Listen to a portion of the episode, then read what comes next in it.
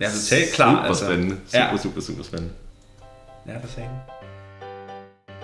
Velkommen til. Mit navn er Danny Lillekrans, og du lytter til Fra Sat til Selvstændig. Et podcast, der over 10 episoder løbende dokumenterer den rejse, jeg har startet ved at sige mit job op for at blive selvstændig. Jeg inviterer dig med på turen, og jeg glæder mig, selvom jeg ikke helt ved, hvor vi ender. I den her episode kommer vi til at høre fra Simon, som står i samme situation som mig. Så kigger jeg også tilbage på nogle af de læringer, jeg har gjort mig. Vi er jo nået til episode 6, og det er jo lidt over halvvejs. Velkommen til.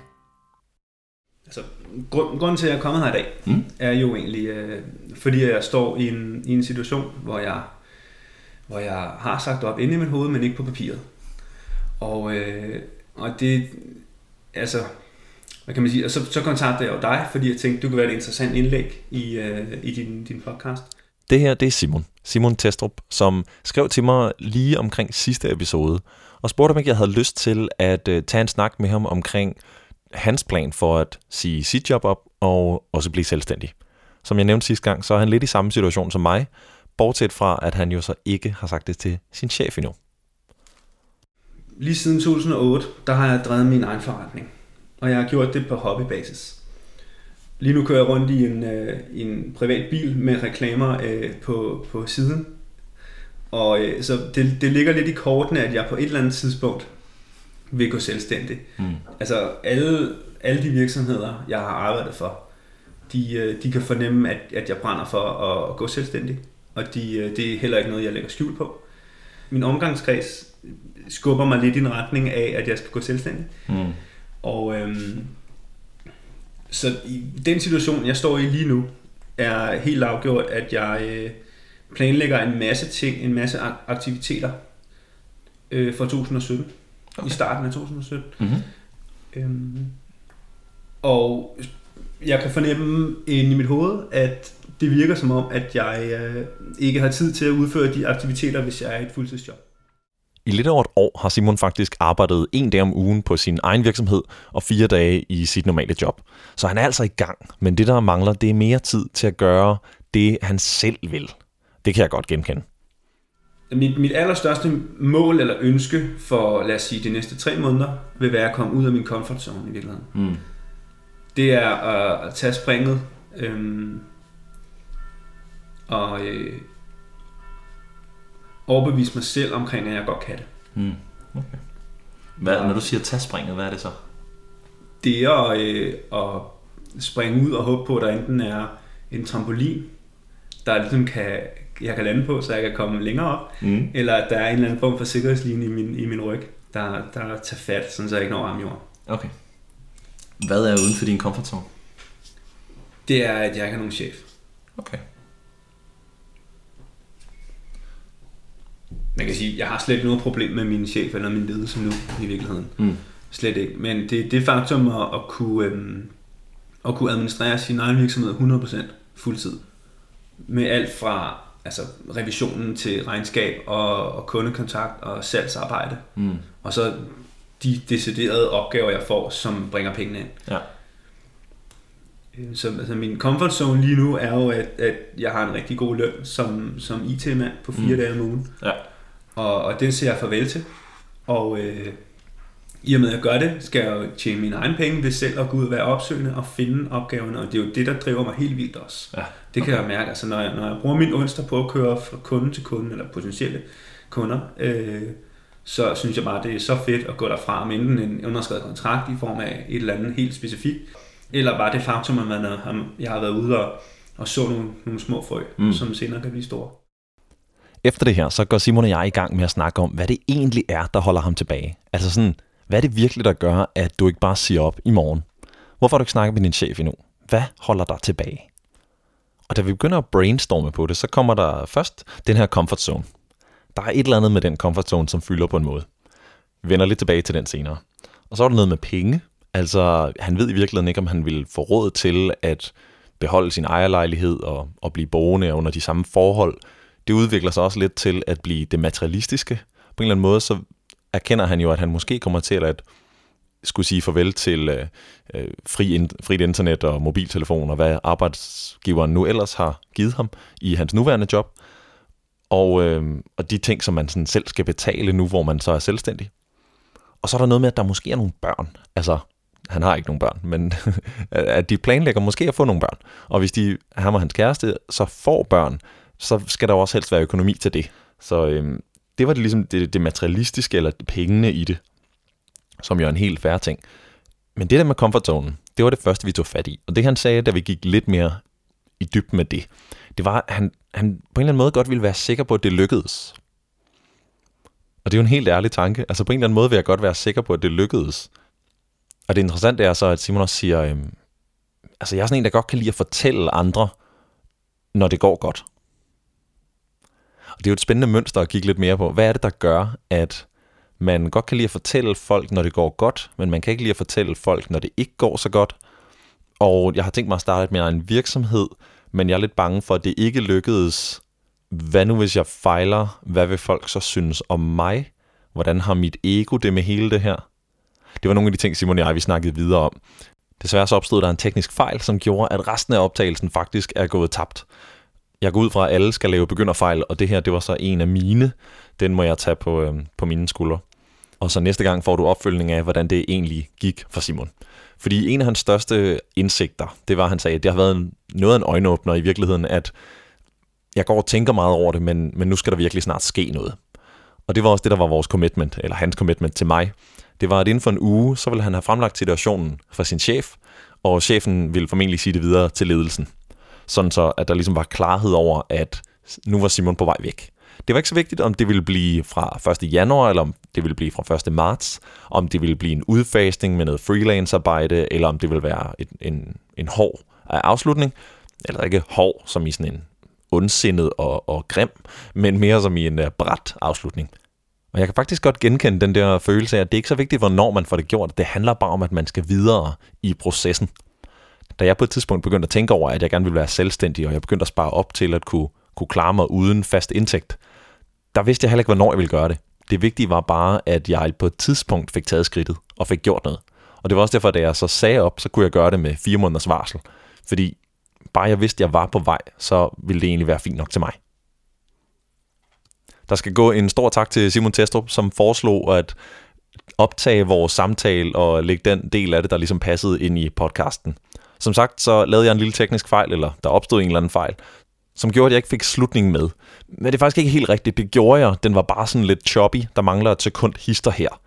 Men alligevel, så synes jeg, vi skal slutte på Simons sidste kommentar på den commitment, han har givet mig om at tage en snak med sin chef. Jamen, jeg, øh, jeg har lyst til at gøre det i morgen, Okay. men det er sikkert, det passer i noget. Altså, en ting er at tænke noget andet og gøre det. Jeg tror ikke, det er en god idé at ringe til ham lige nu. Lad os tage klar. Super altså. spændende. Super, Ja. super, super spændende. Ja, der sagde den. Det er virkelig spændende sådan noget. Opfølgning med Simon og hvordan det gik med at få fortalt om situationen til sin chef, den får du i næste episode af Fra Sat til Selvstændig. Det her, det er jo episode 6. Og det betyder også, at vi nu er kommet længere end halvvejs i de her 10 episoder af Fra Sat til Selvstændig. Så lad mig lige opsummere kort. I starten af august, der sagde jeg mit job op. Med fire måneders varsel. I de fire måneder har jeg stille og roligt tænkt, at der ikke rigtig sker noget, før jeg mm, hvad kan man sige, står på den der side af jobbet, hvor de ikke længere giver mig nogen løn. Men alligevel, så har jeg jo gjort nogle læringer, og det er også det, jeg har indset igen og igen, det er, at selvom jeg ikke føler, at der sker noget, så i det store billede, så sker der faktisk ret mange ting, både med mine opfattelser og med mine muligheder. Så lad os tage en opsummering af mine læringer. En af de første ting, det var, at i episode 2, der droppede jeg det der med at prøve, og så begyndte jeg at gøre. Jeg prøver ikke at lave en ny episode hver 14. dag, jeg laver en episode hver 14. dag. Jeg prøver ikke at skrive en artikel hver 14. dag, jeg skriver en artikel hver 14. dag. Og bare det med at fjerne prøv fra sit ordforråd, det gør nogle spændende ting ved dit commitment. Så det har været en rigtig fed læring. I episode 3 var en af de største indsigter det her med, at du bliver gennemsnittet af de fem personer, du bruger mest tid sammen med. Det er faktisk ikke noget, jeg har handlet på på den måde, at jeg ikke begyndt at vælge venner til og fra, eller øh, være mere sammen med dem, jeg kender, som er iværksættere, eller, eller og så videre.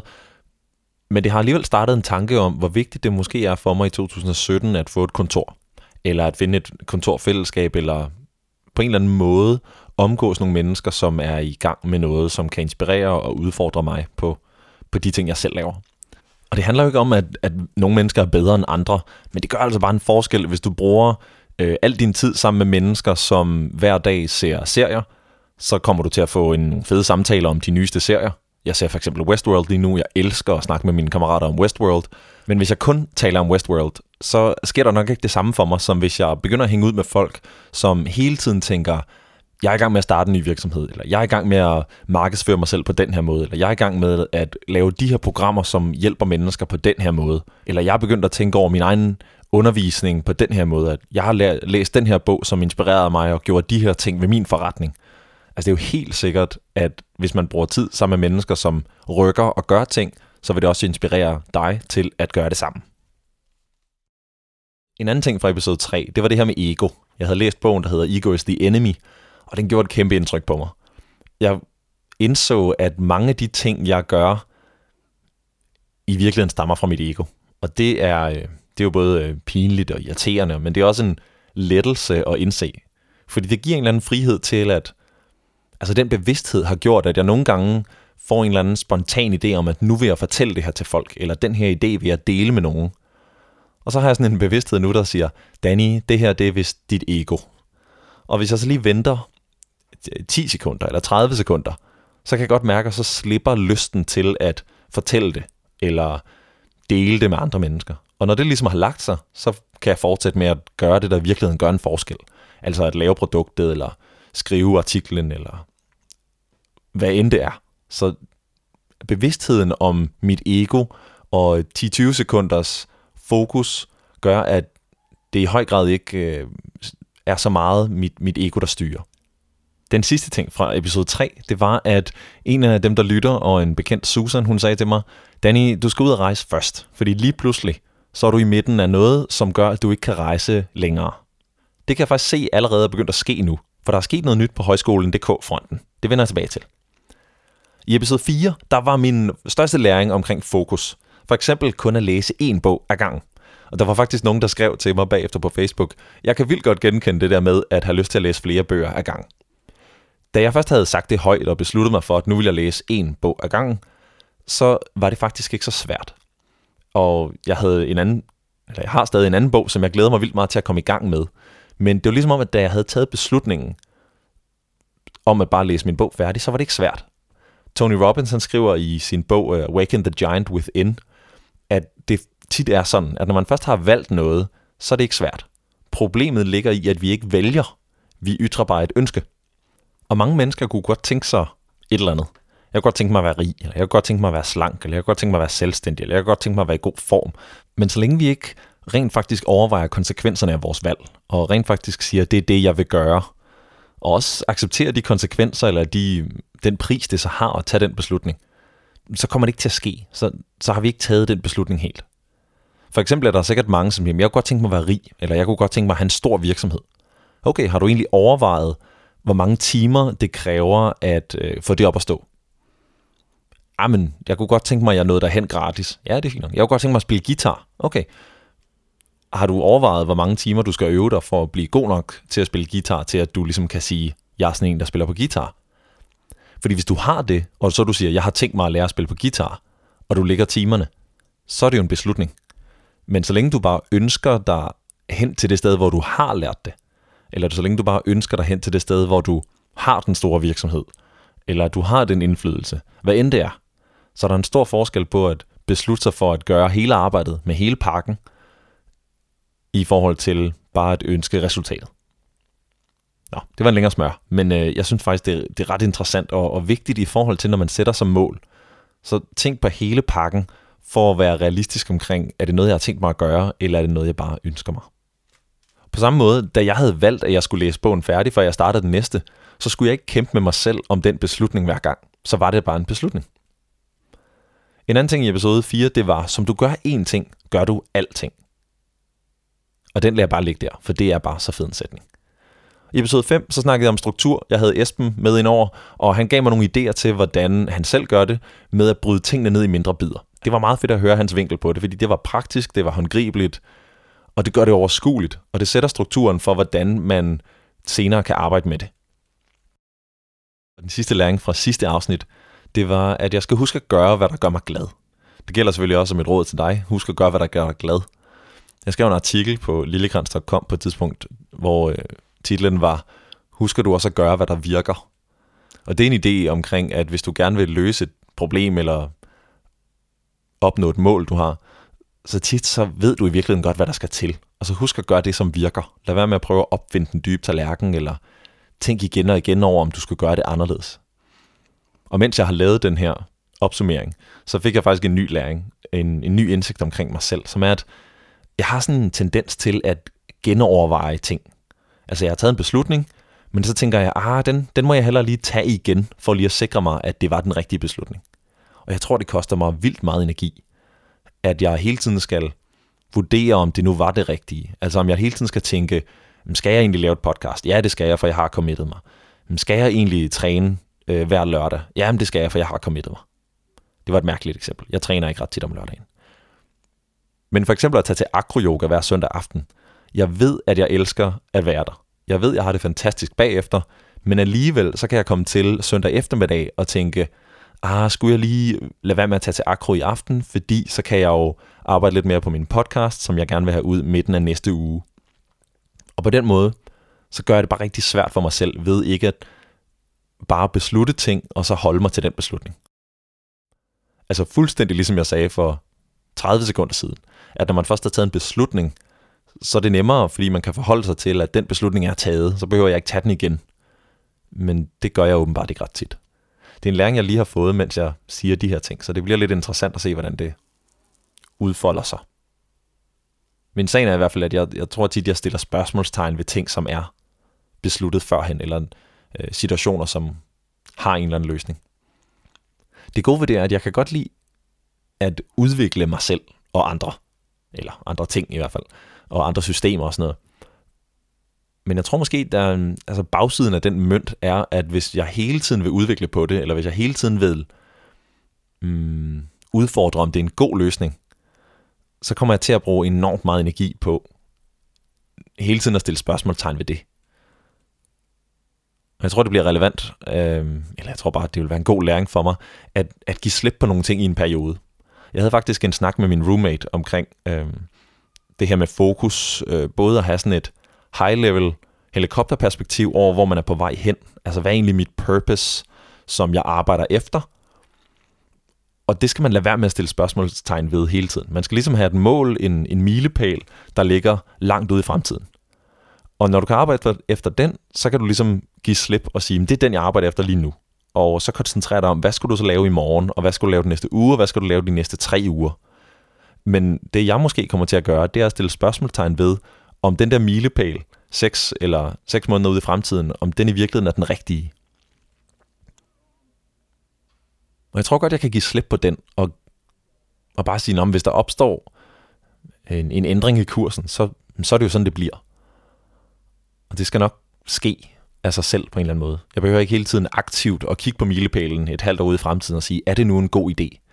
Fordi vejen kommer alligevel til at give nyt input og lære mig nogle nye ting undervejs. Hmm.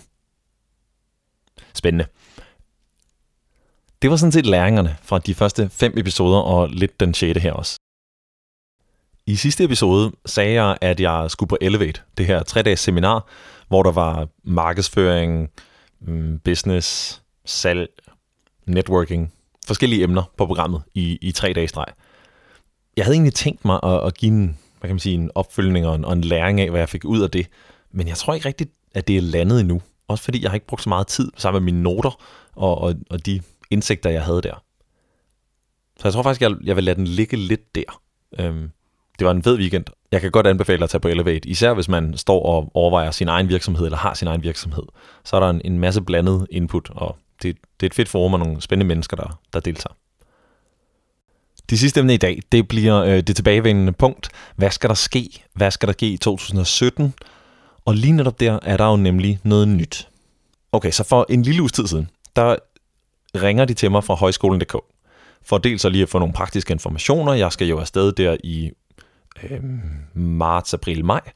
Men der er også en lille twist, fordi de står nemlig måske og skal bruge, at jeg tager til Mellemamerika allerede i uge 8, altså slutningen af februar. Jeg bliver sådan en lille smule øh, forvirret, fordi at i uge 7 skal jeg vist nok på True North og undervise. Så vi ser lige, hvad der sker, og Højskolen.dk vil lige tjekke op, om det nu var aktuelt og sådan noget. Imens jeg har haft den her telefonsamtale, der får jeg en mail fra True North, hvor i der står, om ikke jeg kunne tænke mig at være lead facilitator i uge 7.